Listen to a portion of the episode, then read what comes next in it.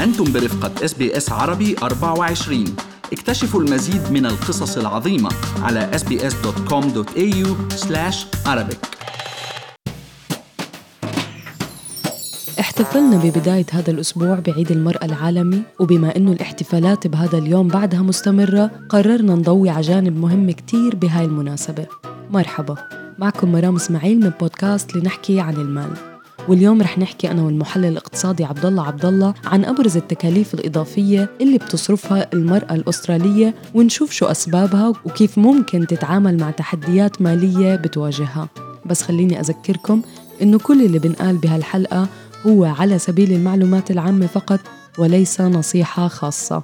عبد الله في كثير من البرامج والمبادرات الحكومية والأهلية بتعنى بقضايا المرأة اليوم بأستراليا وبتقدم سبل كثير لدعمها خاصة الأم العزباء أو الأرامل واللي هم أوقات بيكونوا مسؤولين يشتغلوا بيشتغلوا برا البيت وجوا البيت ويربوا الأولاد. ولكن مع هيك في تحديات ما زالت بتواجهها المرأة اليوم من ناحية الدخل والمصروف. صحيح مرام وخلينا قبل ما ندخل بصلب الموضوع حييكي وحيي كل النساء يلي عم يسمعونا اليوم آه، بعيدهم آه، العالمي. هلأ اليوم آه، المرأة الأسترالية مرام بتتمتع بدور ريادي على كثير من الصعد إن كان بالسياسة أو بالمجتمع أو بعالم الأعمال والمال. ولكن رغم هذا الشيء في بعد فوارق كثير بارزة. ومن أبرز هاي الفوارق اليوم هو الفارق بالراتب مرام يلي بحسب إحصاءات وكالة المساواة الجندرية بأماكن العمل أو ال WGEA إحصاءات سنة 2020 آه، بعد المرأة تتقاضى 254 دولار و60 سنت أسبوعيا. كمعدل وسطي أقل من الرجال بحالات العمل بدوام كامل. كمان على صعيد إدارة الشركات مرام فأنه بس 17% اليوم من الرؤساء التنفيذيين أو الرؤساء التنفيذيات و14% من أعضاء مجالس الإدارة هن من النساء على الرغم أنه اليوم النساء بتشكل 47% من القوى العاملة الأسترالية وهي الأرقام طبعا هي أرقام مقلقة بس بنسمع كتير أنه النساء يعني بيصرفوا أكثر من الرجال ولكن الأرقام بتثبت غير هيك ف20% من النساء اليوم ما عندهم دين على ال credit credit card مقارنة ب 12% من الرجال فقط. يعني إحنا مصاريفنا مو كتير طلعت. السمعة عنا غلط.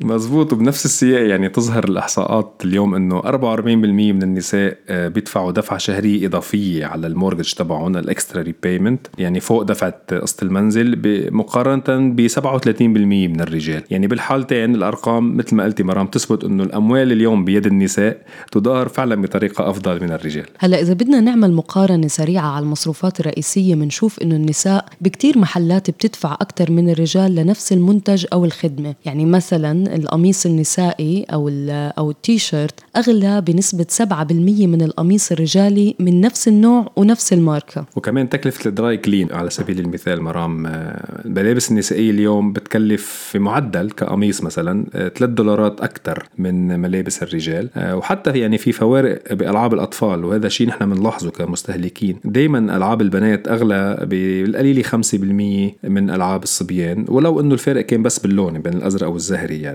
يعني. فعلا التمييز مبلش مع النساء من هن وصغار. بالإضافة للتكاليف اللي بتدفعها النساء على المنتجات الصحية ومنتجات العناية الشخصية والملابس والبيجامات كمان عبد الله للنساء أغلى من الرجال. وبعض المختصين سموا هذا الفارق بالأسعار بالضريبة الوردية أو ال pink tax فعلا وهي الفوارق الكبيرة مرام اليوم إن كان بمعدلات الرواتب أو المصروف بتفرق منيح اليوم على المدى الطويل آه، عند النساء يلي عم يخسروا بين ال 14000 و 16000 دولار إذا قارناهم بمداخيل ومصاريف الرجال. آه، وهذا خسارة عم تكون ال savings تبعهم. وأكيد هذا الشيء بيخلق فوارق كتير كبيرة على مستوى ال wealth building يعني امتلاك الأصول والثروات ويقدر على مدى 20 و 30 سنة بمئات ألاف الدولارات وأيضا في كتير من النساء اليوم عبد الله مش قادرين يدخلوا بسوق العمل آه، بسبب مسؤوليات التربية والاهتمام بالأطفال وتكاليف ال childcare بتشكل العائق الأكبر أمام المرأة. مزبوط يعني بين تكاليف ال childcare والتكاليف الغير مباشرة مثلا للذهاب للعمل مثل الثياب والعناية الشخصية مثل ما ذكرتي قبل. اليوم كتار من النساء مرام بيلاقوا إنه العمل فعلا يعني مش محرز ماديا ومع مرور السنوات بتصير رجعتهم لسوق العمل. يعني بس يكبروا أولادهم وما يعودوا عندهم مصروف ال childcare بتصير رجعتهم لسوق العمل أصعب. وهذا كمان بيخلق أيضا فوارق مالية كبيرة على المدى الطويل بين الرجال والنساء. عبد الله بإمكان اليوم يعني النساء تاخد خطوات للعمل على تقليل هاي الفوارق وخاصة بما يخص الأمور الاستهلاكية عبر شراء منتجات الشركات اللي ما بتفرق بين الجندرين. ودايما نعمل بحث لا نشوف كيف فينا نوفر بفاتورتنا النسائية. وأيضا تكون النساء ناشطات بحملات وجمعيات للتوعية على هاي الضريبة الغير مباشرة وتقوم بالضغط على المعنيين.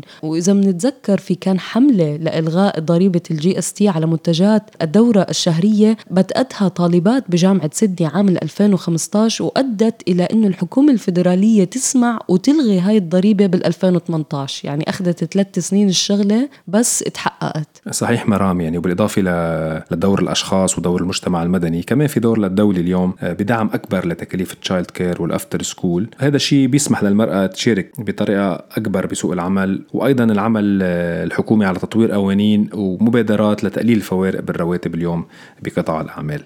وأيضا في مسؤولية اليوم على أصحاب ومدراء الشركات لعدم التمييز بين الجندرين وإتاحة فرص أكثر للمرأة للوصول لمراكز قيادية ومجالس إدارات الشركات آه، من دون تمييز يعني بينهم وبين الرجال. واليوم الأمثلة لنجاح النساء آه، مرام قيادة دول وشركات كبيرة ونجاحهم الهائل بهذا الدور لا تعد ولا تحصى. صحيح عبد الله المسؤولية مشتركة بين الدولة والمجتمعات الأهلية للعمل على تقليل هاي الفوارق واللي مثل ما قلت يمكن تكون صغيرة وما بننتبه لها كتير ولكن بتعمل فارق كبير على المدى الطويل بما يخص الراتب التقاعدي وامتلاك الأصول الأصول وبناء الثروة. هلأ موعدنا بتجدد معكم مستمعينا كل خميس مع بودكاست لنحكي عن المال. لنضل نواكب كل المستجدات اللي بتهم حياتنا المالية والعملية في أستراليا. وبالنهاية بنتمنى لكم يعني عيد سعيد وكل عام وأنتن بألف خير.